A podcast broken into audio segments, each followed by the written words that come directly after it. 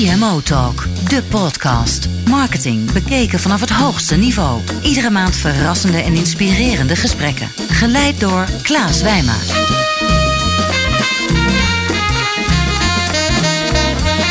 Leuk dat je luistert naar CMO Talk. Mijn naam is Klaas Wijma van Energize. En mijn gast vandaag is Arno de Jong. Arno is directeur brands en portfolio management bij de Nederlandse Loterij. Als je hoort naar de Nederlandse Loterij, ja, dat is de relatief nieuwe naam die is ontstaan na de fusie tussen de Staatsloterij en de Lotto. En Arno is de juiste man op de juiste plek, want hij maakte zelf in zijn carrière al vele fusies mee. En is daarmee ook de meester in veranderingsprocessen. In het interview gaan we uitgebreid bij die veranderingen stilstaan en ook de persoonlijke drive van Arno. Arno, wat fijn dat je de tijd wil maken vandaag eh, voor ons luisteraars om nou, jouw verhaal te vertellen. Ja, graag gedaan. Super gaaf. Leuk om hier te zijn. CMO Talk, aangeboden door Tijdschrift voor Marketing. Discussieer mee op hashtag CMO Talk. Vertel eens, want hoe ben jij op deze plek gekomen? Ik heb eerst twaalf jaar bij, eh, in de uitgeverij gewerkt. Ja. Eh, ooit begonnen bij Riet Elsevier, bij het onderdeel Dagblad Unie. Wat later PCM is geworden. eh, wat daarna een deel van Wegener werd. En wat uiteindelijk nu eigenlijk de persgroep eh, is geworden. Ja. En vanuit de persgroep ben ik overgestapt naar Eredivisie Live. eh, formeel Eredivisie Media en Marketing. Dus de commerciële organisatie van, van de Eredivisie. Daar was ik verantwoordelijk voor de launch en de ontwikkeling van Eredivisie Live. En de Ja. hele mediaportefeuille. En eh, vanuit die hoedanigheid kwam ik al regelmatig bij de Lotto.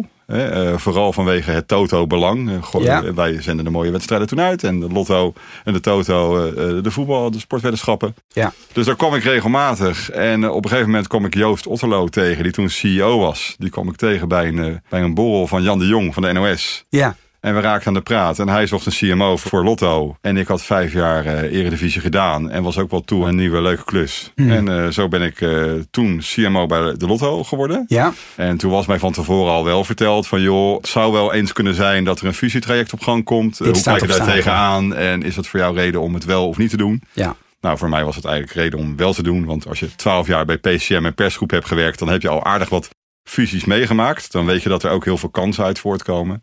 Dus ik ben toen ingestapt. En wat ik eh, deed voor de Lotto, doe ik nu voor Nederlandse Loterij. Dus ik ben verantwoordelijk voor alle eh, merken, eh, marktbewerking, et cetera... Van, van Nederlandse Loterij. En dan gaan we nog even terug naar die overstap. Hè? Want je kwam dus uit de uitgeverijsbranche.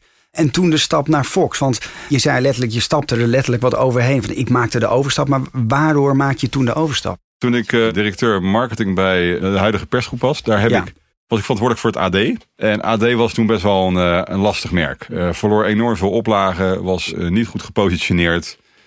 Aan mij werd de vraag gesteld van, joh, herpositioneer dit product. Kijk wat we ermee kunnen. En toen heb ik vrij stevig ingezet op sport. Wat niet iedereen weet is dat AD was de eerste landelijke krant in Nederland die over sport ging schrijven. Zij kochten toen een weekblad dat heet Sportwereld. Ja. Daar komt de naam weer terug.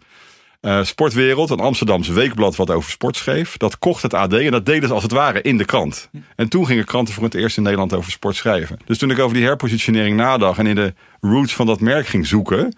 toen kwam ik die oorspronkelijke kracht op sport tegen. Nou, en als je sport op televisie ziet, dat is overal. Ja. Maar sport in de kranten bij het AD, eh, dat was nog maar twee pagina's of zo. Ja. Dus toen dacht ik van nou, als we ons nou op sport positioneren, dan kun je in één keer je landelijke karakter onderschrijven. En vinden we echt onderscheidend vermogen ten opzichte van andere kranten. Ja, zie je ook grote verschillen tussen aan de ene kant dus die mediatak hè, met, met, met Ja. Fox. En aan de andere kant echt gewoon het typische uitgeverijsmodel.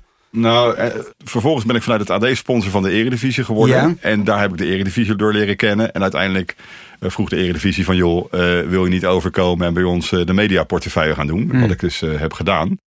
En eigenlijk de business van Eredivisie Live en Fox is niet heel veel anders dan een uitgeverij. Want aan de ene kant, ja, je hebt content, je hebt advertising, et cetera. Maar je hebt ook abonnees, je hebt churn. Je hebt, het is een direct marketing model. Ja. Want Eredivisie Live is, is een abonneemodel. Ja. En dat, dat is heel vergelijkbaar met een krant. Je hebt content, je hebt advertising, je hebt consumenten. En hoe vind je daar een mooi businessmodel voor? Als ik het mensen vertel, zeggen ze dat zijn toch hele andere Precies. werelden. Ja. Maar de onderliggende businessmodellen zijn niet heel anders. Wat ik ook hoor in je introductie, sport. Dat, dat Ja. is echt ook wel echt een rode draad.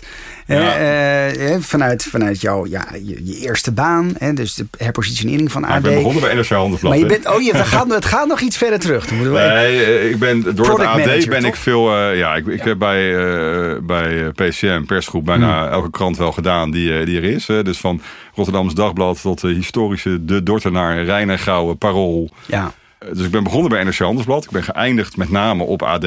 Want dat was een van de, eh, eigenlijk het grootste merken wat we hadden.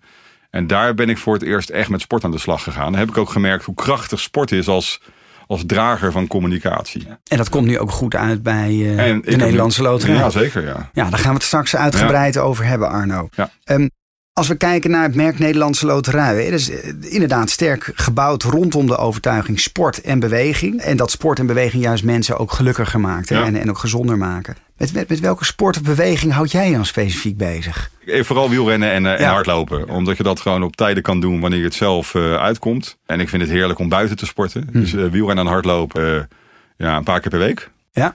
En, eh, en, en passief eh, Ja. is, het, eh, is voetbal mijn, mijn grote Ja? passie. Ja. De- en ik ben ik- een gelukkig mens op dit moment. Eh, nou, ik wou zeggen, want ik hoor, ik hoor toch een heel sterk Rotterdams ja, accent. dat, dat klopt, dat klopt. Ja, Ja. nee, ik, ik zat in het stadion Ja. de laatste wedstrijd. Dus we hebben het helemaal meegemaakt. En het leefde enorm in de stad. Dus waar je ook was op dat moment, het was één groot feest. Ja, en dan komt dat gevoel van trots naar boven. Ja, het werd ook wel eerst tijd, hè?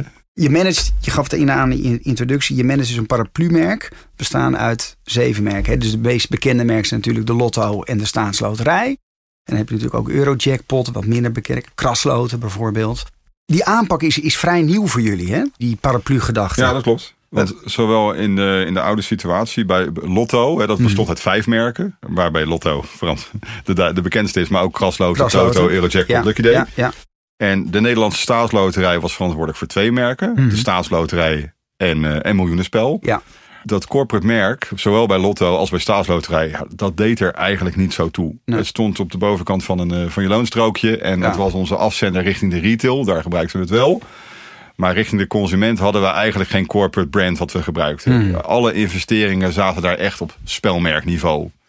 In het design van de Nederlandse loterij hebben we gezegd... ja, als je naar de toekomst van de kansspelmarkt kijkt... Mhm. en als je naar de kracht van onze organisatie kijkt... die nauwe band met de Nederlandse sport en de Nederlandse maatschappij... dan is een, een sterk corporate merk een hele mooie aanvulling op die spelmerken. Dus dat hebben we eh, tijdens eh, eh, de Spelen van vorig jaar... hebben we Nederlandse Loterij als eh, consumentenmerk gelanceerd. En daar zijn we nu druk mee bezig om dat, eh, om dat ook sterk te laden. En hoe moet ik dat dan zien in die context van alle nieuwe marktontwikkelingen... om toch voor een, eigenlijk een corporate merk te gaan en niet die afzonderlijke merken? Ja, nou misschien wel juist eh, door de marktontwikkelingen. Ja? Dat corporate Vertel. merk dat staat in eerste instantie voor ons sociaal-maatschappelijk karakter. Ja. Eh, Wat niet iedereen weet is dat Nederlandse Loterij by far de grootste financier is van de sport in Nederland. Eh, jaarlijks dragen we ongeveer eh, 40 miljoen plus, 42 miljoen het laatste jaar, meen ik uit mijn hoofd, af aan de Nederlandse sport. Daardoor wordt de helft van NRC-NSF gefinancierd. eh, een kwart van een gemiddelde sportbond. En dat betekent gewoon dat jouw eh, zoontje of dochter gewoon goedkoper kan hockeyen, voetballen, eh, dankzij ons. Ja. Eh, en dankzij onze spelers vooral. Ja, en dat precies. we gehandicapten sport eh, mogelijk maken. Maar dat we ook onze Olympische droom van nu weer presteren in Korea. En dat was vorig jaar presteren in Rio eh, haalbaar kunnen maken. Dus er zit een heel sterk sociaal-maatschappelijk gevoel in. Wat voorheen een beetje in staatsloterij zat en een beetje in lotto. Hebben we nu echt naar ons corporate merk getild. Ja. Maar het is daarnaast ook een commercieel merk. Want het is onze natuurlijke bestemming als gamingplatform. Dus nederlandsloterij.nl. Dat is op dit moment de plek waar al onze spellen samenkomen. Waar je je wallet houdt. Waar we, vanuit, vanuit waar we communiceren, et cetera. Dus het is een, aan de ene kant een sociaal-maatschappelijk merk. En aan de andere kant is het ja, eigenlijk de naam van ons gamingplatform. De digitale omgeving waar al onze merken samenkomen. Ja. En, en die zeven merken, is, ik kan me ook voorstellen dat de aandacht met name uitgaat naar die grotere merken. Hoe zorg je ook dat je die aandacht evenwichtig verdeelt Ja. over die zeven merken? Dat lijkt me een behoorlijke uitdaging. Dat is het ook wel. Eh, ik bedoel, staatsloterij en lotto eh, doen, we, doen ongeveer 1,1 miljard. En Hmm. daarvan zit, eh, nou, ik moet even uitrekenen, maar zit een heel groot deel eh, op die twee merken. Eh 700, 800 miljoen zit op die twee. Eh, ik heb het met name organisatorisch ook gedaan. Dus ik heb vijf productgroepen gecreëerd. Waarbij Lotto en staatsloterij een productgroep is. Maar bijvoorbeeld ook Eurojackpot Lucky Day, eh, die samen krap 50 miljoen doen, is ook een aparte productgroep met Ja. aparte marketeers. Want als je alles vergelijkt ten opzichte van een staatsloterij, ja, dat merk is zo gigantisch groot. Dat betekent eigenlijk dat alle aandacht alleen maar uitgaat naar dat ene merk. Precies. Terwijl juist onze breedte van het portfolio heel sterk is. Ja. En je wil ook nieuwe merken creëren. Hè, bijvoorbeeld Eurojackpot, dat is nog een redelijk onbekend merk. Maar dat groeit met 30, 40 procent per jaar. Zo. Als je daar geen specifieke aandacht aan geeft, dan Ja. zou dat nooit gebeuren. Want als je dan ja, een uur de tijd hebt, kun je dat veel beter aan het grote staatsloterij investeren dan Ja. in Eurojackpot. Precies. Dus we hebben het organisatorisch zo ingebed. En ook financieel. Hè? Dus eh, merken waarvan we groot groeipotentieel zien. Ja, die krijgen gewoon best wel een interessant marketingbudget om Ja, die groei te realiseren. die krijgen meer en dat is bijvoorbeeld bij Toto het geval. En bijvoorbeeld bij Eurojackpot. Van praktische tips tot visie. Dit is CMO Talk. We gaan naar de eerste stelling, Arno. De fusie tussen de staatsloterij en de lotto was noodzakelijk om te overleven. Nou, het helpt ons zeker eh, om in de toekomst krachtiger te zijn. Op zich denk ik dat beide organisaties het wellicht ook wel zelfstandig hadden gekund. Hm. Als je kijkt naar de kracht die we nu met elkaar hebben. en we dienen beide het maatschappelijk belang. Wij hebben geen aandeelhouders in Gibraltar of Malta of wherever. Ja. We zijn van en voor Nederland. En dat hadden we allebei. Ja, als je zo dicht bij elkaar zit qua maatschappelijk gevoel. En ook nog een keer geografisch. En je acteert in dezelfde markt. Ja, dan is een, eh, een krachtenbundeling wel voor de hand liggend. Dat maakt ons wel sterker. Maakt jullie sterker. Absoluut. Ik, ik kan me ook voorstellen, maar dat zijn ook twee verschillende culturen die op een gegeven moment dan samengaan, ook letterlijk in één pand. Wat waren nou die grote verschillen tussen die Ja. culturen? Nou, wat een voordeel wel voor mij was, dat ik, ik was redelijk kort binnen toen de fusie begon. Weet je dan kun je ook je eigen organisatie nog heel makkelijk rationeel benaderen. Als je de, zeg maar de diehard, eh, de lotto mensen, de diehard staatsloterij mensen zou vragen, dan is het bij eh, de lotto, daar was sne- snelheid belangrijker dan kwaliteit en alles moest gehaast en eh, er was geen ruimte voor investeringen. En bij staatsloterij, ja, daar kon het allemaal niet op en et cetera, et cetera. Nou ja, dat soort beelden zijn natuurlijk extreme en is altijd overdreven.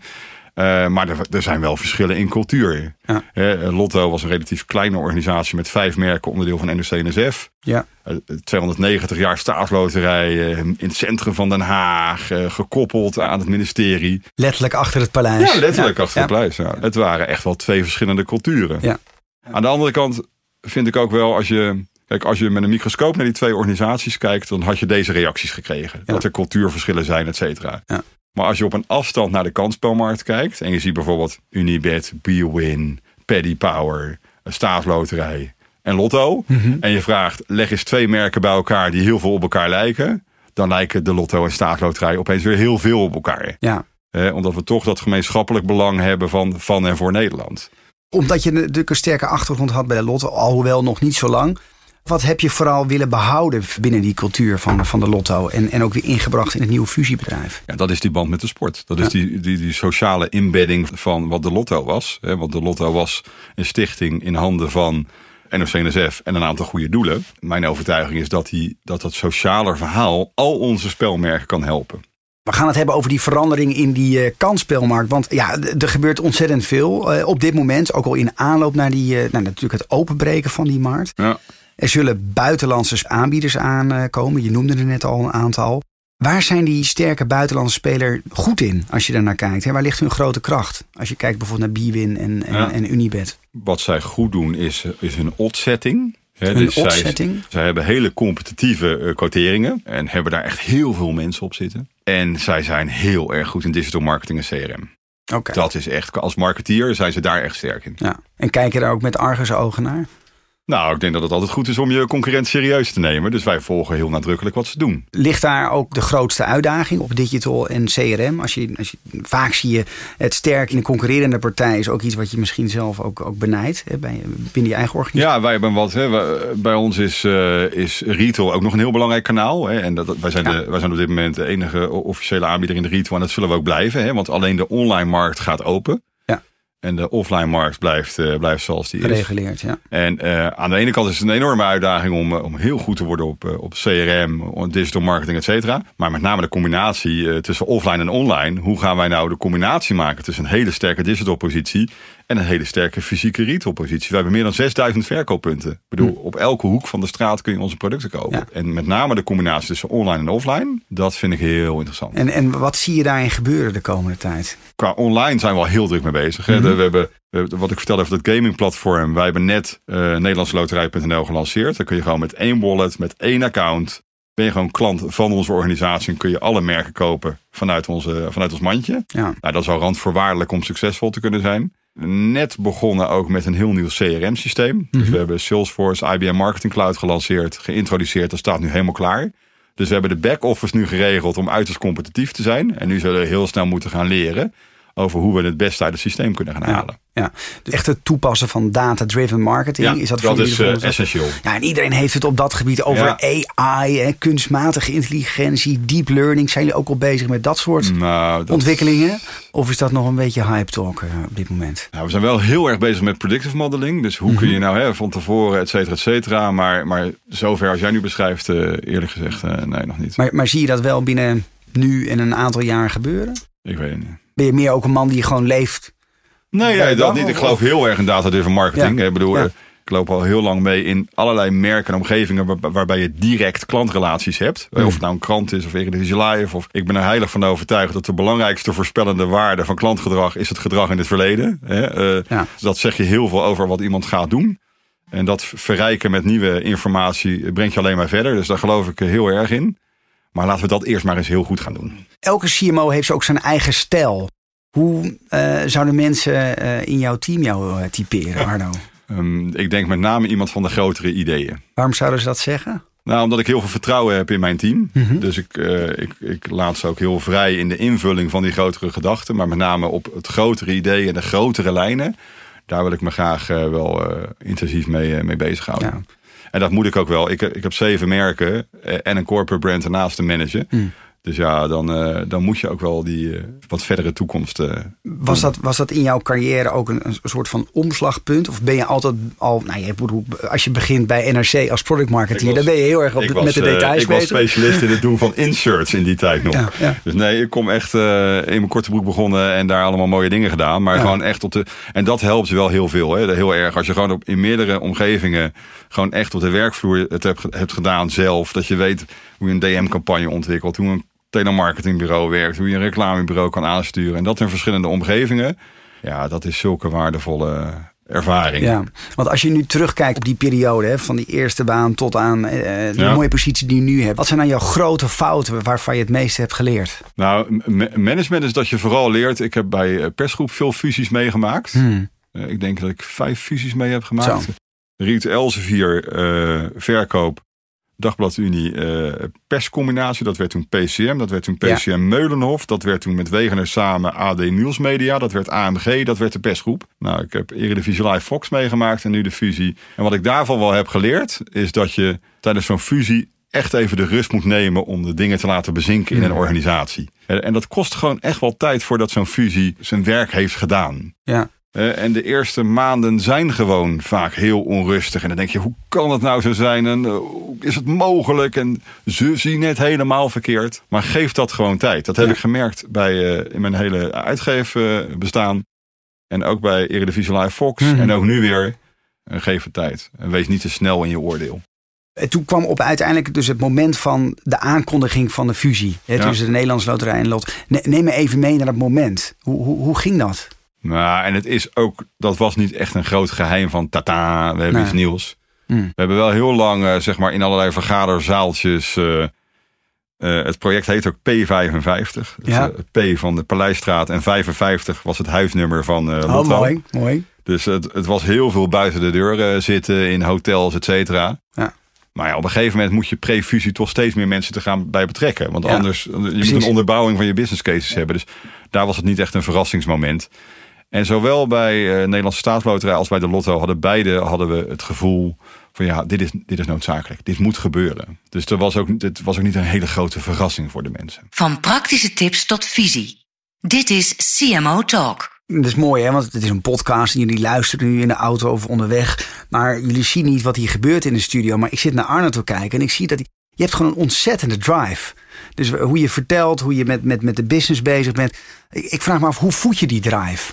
Ja, ik denk dat het aangeboren is. Ja? Heb je het als, als jong kindje ook altijd al gehad?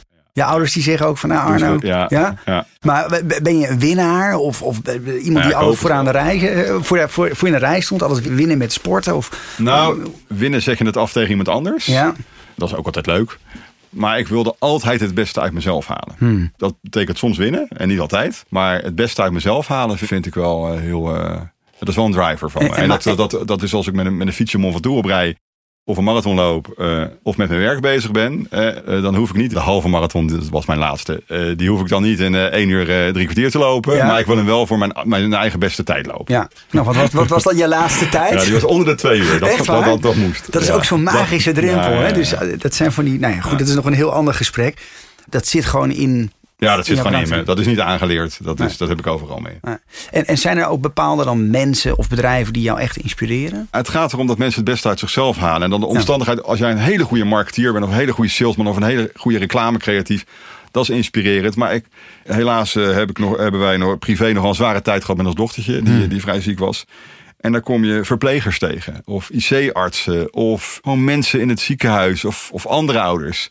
Dan zie je op een heel andere manier zie je ook een bepaalde drive. Weet je? Dus het is Ja. niet zozeer gebonden dat het alleen maar op mijn werk slaat. Of ik vind mensen die ervoor gaan, vind ik wel heel mooi. Mooi. Ja. Ja. En daar kan je je ook dan ook echt voor inzetten.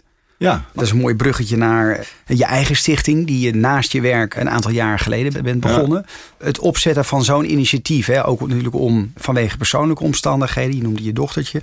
Maar heeft het jou ook weer een ander mens gemaakt? Nou, absoluut. Ja? Ja. Wat, wat heeft het jou gebracht? Nou, als je een jaar lang eh, pendelt tussen ziekenhuis, IC en thuis, dan word je echt een ander mens. Ja, een rijker mens ook. Ja, Eh, gelukkig gaat nu alles al jarenlang goed, dus het is ook wel een Gelukkig. deels eh, uit het verleden. ja. Maar toen wij tien jaar geleden in het ziekenhuis zaten, toen kwam ik over inspirerend mens gesproken. Hmm. kwam ik een cardioloog tegen die helemaal bezig was met het onderwerp hoe lossen we die ziekte op, een hartziekte daar gaat het over. Ja. En die had te weinig funding om daadwerkelijk onderzoek te doen. En ik zat toen samen in het ziekenhuis, samen met een andere vader, wiens dochtertje ook eh, deze ziekte had. En op een gegeven moment zeiden we tegen elkaar van joh, we waren allebei commercieel redelijk eh, bedreven.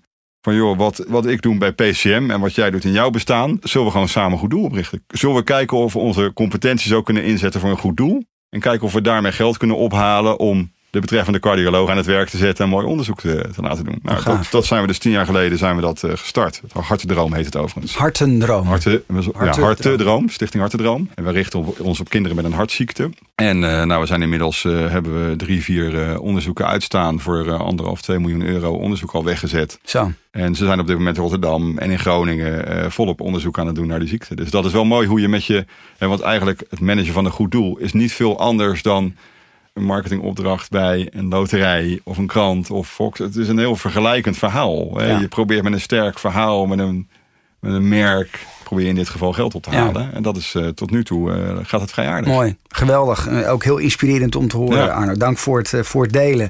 Ehm, stelling 2. Buitenlandse kansspeelbedrijven staan qua mentaliteit te ver af van de Nederlandse burger om echt succesvol te kunnen zijn. Nou, ik denk als je kijkt op dit moment misschien wel. Maar als de markt open gaat en ook de buitenlandse toetreders actief gaan worden in Nederland, zullen ze er alles aan gaan doen om die Nederlandse sportweddenschappen eh, goed aan, aan de man te brengen. Eh, nu zijn het voor veel partijen nog echt buitenlandse merken. Wij merken aan alle brand monitors ook dat wij bij far nummer 1 zijn in, in perceptie met Toto. Maar ze zullen er alles aan doen om dichter bij de Nederlandse consument te komen. Dus dat is voor ons ook een, eh, een aandachtspunt van hoe hou je het echt Nederlandse Ja. karakter wat Ja. bij ons erin zit. Want als bij ons Toto speelt en je wint niet, dan gaat in ieder geval het geld terug naar de Nederlandse sport. Naar, naar het Nederlandse voetbal waar je zo van houdt. Ja. Ja, en dat maakt ons uniek. Ja. Dus ongetwijfeld zullen die partijen komen. Zullen ze er hard op inzetten om ook een Nederlands te voelen in Nederland. Hm. Alleen wij hebben het voordeel dat we daadwerkelijk zijn. En al vanaf 1959. Eh, daar zal wel een deel van ons onderscheidingsvermogen in zitten. Ja, maar, maar zij hoeven dus niet zo'n bijdrage af te dragen aan de sport. Nee, maar dat doen wij zelf. Hè. Zij zijn onze... Te, eh, als het ware eh, acteren wij alsof zij onze aandeelhouder Precies, zijn. maar ik kan me voor, omdat jullie juist dat doen, natuurlijk een stuk competitiever kunnen gaan aanbieden dan, dan jullie. Of in ieder geval een groot prijzenbudget. Maar het verschil is wel dat dadelijk iedereen kansspelbelasting moet betalen. Dat iedereen volgens dezelfde regels moet handelen. Eh, dus dat zorgt er wel voor dat, dat we wel wat dichter naar elkaar toe kruipen qua aanbod, verwacht ik. Jullie steunen de sport met meer dan 40 miljoen euro per jaar. Je gaf Ja. het net ook aan eh, in jullie interviews. Dat is echt een gigantisch bedrag hè, trouwens. Dat is echt veel. Wordt de sport op die manier niet te afhankelijk van jullie inkomsten? Nou, als het van- het een op het andere jaar zou zijn, wellicht wel. Nou, het is, dit is al sinds jaar en dag zo dat wij Hmm. de belangrijkste financier zijn van de sport. Hmm. Eh, en wij doen er alles aan om die pot groter te maken. Dat was ook een van de redenen voor die fusie. Maar naast onze inkomsten heeft de sport in zijn algemeenheid natuurlijk nog meer inkomsten. Ja, als je het hebt over mediarechten, sponsoring, Ja. contributies, seizoenkaarten. Eh, De sport in zijn algemeenheid is inderdaad afhankelijk eh, in belangrijke mate van ons. Ja. Maar gelukkig zijn er nog andere geldbronnen ook. En ook eh, de overheid is natuurlijk ook een belangrijke financier van de sport in Nederland. Ja. Dus we zijn belangrijk, maar er zijn meerdere partijen die, die de sport groot maken in Nederland. Nederlandse loterij is echt voor mensen die echt willen winnen, maar ook dus inderdaad zich inzet voor 100% van die sport. Wat, wat vind je ervan als de NOC-NSF zegt dat ze zich zorgen maakt over het teruglopende niveau van de financiering van de sport? Nou, dat maakten wij ons ook. Hè. Eh, Dus eh, dat- Ja. verbaast ons eh, niet. Hm. wij willen ook graag meer geld ophalen voor de sport. Vandaar de fusie. Dus en ik denk dat de fusie de beste voorwaarde is om dat ook te gaan realiseren. Overigens, dat, dat, wij- zeggen Nederlandse loterij waar heel Nederland wint. Dat zeggen we eigenlijk uit- vanuit drie assen. We hebben winnaars in het spel. Ja. Er is bijna elke week eh, kunnen we wel iemand met een heel groot bedrag, eh, vaak een miljoen, eh, blij maken. Hè, dus wij keren heel veel geldprijzen uit. By far het meeste van Nederland. Wij creëren winnaars in de sport. En Ja. of dat nou op een amateurveldje is, ergens achteraf, of bij de Olympische Spelen, wij creëren winnaars in de sport. En wij creëren overwinnaars, of wij faciliteren overwinnaars in het leven. Want naast onze rol voor de Nederlandse sport hebben we ook nog 18 goede doelen die wij ook met ons geld helpen. Van de Hartstichting tot het KWF tot Ja. noem maar op. Ja, mooi. En die proberen we eigenlijk ook altijd in zo'n bewegingsperspectief te plaatsen. Dus de Hartstichting is voor ons eh, sporten, want dan heb je minder kans op hartziekte. Precies. Ja. Het Longfonds, et cetera, et cetera. Dus Ja. we proberen ook onze rol naar die goede doelen te plaatsen in sport en bewegen. Maar dat Nederland wint heeft dus drie assen, wat denk ik de propositie heel mooi maakt. Ja. Maakt het een mooi, mooi rond verhaal. In een interview eh, gaf je aan dat je misschien wel eh, jezelf een beetje een tikkeltje ongeduldig vindt. Op welke verandering in de, in de marketingwereld ben je eh, op dit moment het meest ongeduldig? Nou, waar ik, dat mag mij wel wat sneller, is de hele, zeg maar, wat, wat we nou met elkaar kunnen leren van wat je ziet met online. Van het volgen van respons, eh, het kosten, de, de manier van inkopen. En dat doorvertalen, die insights naar de, tussen aanhalingstekens, traditionele marketingwereld. Dat mag wat mij betreft nog wel eh, een tikje harder. He- Hebben het dan bijvoorbeeld over. Ik was twee weken geleden bij de Adobe Summit. En heb ik ja, voor het eerst gezien dat met hun cloud-oplossing heb je mogelijkheid om linear TV ja, advertising dat in te kopen. heel mooi voorbeeld. Ja, dat, dus Ja. ik denk die, die media is, is nog vrij traditioneel als je het hebt over media-inkoop op traditionele media. He, dus eh, programmatic dan, maar voor Ja, ja, bijvoorbeeld. Dat- dat- en, en wij merken zelf, ik, ik heb recent een campagne gedaan. eh, de introductie van Nederlandse Loterij, het gamingplatform. Initieel waren we echt van plan om above the line echt, echt een campagne te gaan voeren. ja, Maar vervolgens dachten we van ja, als wij mensen willen verleiden naar ons gamingplatform. Die mensen zijn al online. Vaak hebben ze al op een of andere manier ooit een relatie gehad met een, of- een van onze merken. Zullen we dan die ene euro inzetten op die klassieke above the line campagne? Ja. Gaan we helemaal voor offline? Ja. Of zoeken we een combinatie? ja. Nou, wij zijn helemaal voor online gegaan. Ja. Dat heeft echt, echt een spectaculair resultaat gehad. Hoe, hoe, hoe ging dat? Vertel. nou, we hebben, we hebben nu al honderdduizenden mensen die zich aangemeld hebben voor een account bij Nederlandse Loterij. Ik zal de aantallen niet noemen, maar mijn jaartarget hebben we nu al bijna gehaald. dat is fijn. Dat is fijn. En het is puur door die is- keuze te maken, fish where the fish are eigenlijk. en, dat hè? gaat, en dat gebeurt steeds vaker. Dus ik denk dat het klassieke mediawereld die absolute kracht heeft. Hè? Want ik geloof echt in omnichannel. En Ja. dit is een voorbeeld waar we helemaal voor online gingen. Omdat het ook een online propositie was. Ja. Eh, voor mijn andere marketingvraagstukken zoeken we altijd een breder palet. Hm. Maar ik denk echt dat de klassieke wereld wel mee moet met wat we nu hebben geleerd van online. Zo'n grote strategische beslissing, hoe wordt die in jouw team genomen? Maak jij die? Of, Nou, of is wij- iemand uit je team die zegt van... Hey, Ja, wij werken wel, eh, nou niet helemaal volgens de ING eh, Tribes, et cetera, methode. Maar wij werken wel met veel onafhankelijke projectteams. Die in redelijke mate van vrijheid zo'n zo'n specifieke klus aan het oppakken zijn. En dit was dus een voorbeeld waar wij een aparte groep hadden van eh, zes mensen die echt helemaal voor deze opdracht gingen. en, en komt het nog langs jou? Te- Heb jij dan Ja, van... dat komt wel deels langs mij, maar ik, ik geloof wel heel sterk in delegeren. Ik, Ja. heb, e- ik heb echt een hele goede groep marketeers. Ja, hoe meer zij zich eigenaar voelen van het probleem, hoe beter het werkt. Ja. Laatste vraag Arno, want tijd vliegt om. Ehm, voor de luisteraars die geluisterd hebben. ehm, wat is nou de, de, de mooiste les die je hebt geleerd van een oude marketingdirecteur? Nou, ik heb ooit met Kees Huig gewerkt. Eh, mensen die lang geleden bij Unilever hebben gewerkt, kennen hem misschien nog wel. Hij was eh, directeur van de, onder andere de ijsjes in, eh, in Frankrijk. En die was al wat op leeftijd toen hij interim bij ons binnenkwam. Dat was de PCM-tijd. Ja. En die zei, Arno, onthoud goed. Een campagne begint pas te werken als die de productmanager gaat vervelen. En jij zei laatst letterlijk ook ongeveer zoiets. En dat vind ik nog steeds zo mooi. eh, Ja. En de andere was, een markt is pas verzadigd als je hem laat verzadigen. Ja. Dat vond ik ook een klassieker. Mooi. Oh, fantastisch. Ja. Arno, eh, dank voor je medewerking aan dit interview. En jullie luisteraars, bedankt voor het luisteren. Wil je nou meer weten over Arno? Arno zit ook op LinkedIn. Um, uh, en ik ook overigens. En, en, wil je ook meer inspiratie? Dat kan op cmotalk.nl. Daar vind je 23 andere interviews. De volgende keer spreek ik met Marcel Aalders, marketingbaas bij meubelmaker en stoelenmaker Prominent. De nummer 4 van de, de Marketeer of the Year. Uh, heeft ook een mooi verhaal. En heb je nou al een vraag voor hem? Zeg je, hey, ik wil eigenlijk dat wel even weten. Uh, laat het mij ook vooral weten. Dat kan via Twitter of via klaas.energize.nl. Dankjewel voor het luisteren en tot de volgende keer. Dank voor het luisteren naar de CMO Talk podcast. Ga voor meer afleveringen naar cmotalk.nl.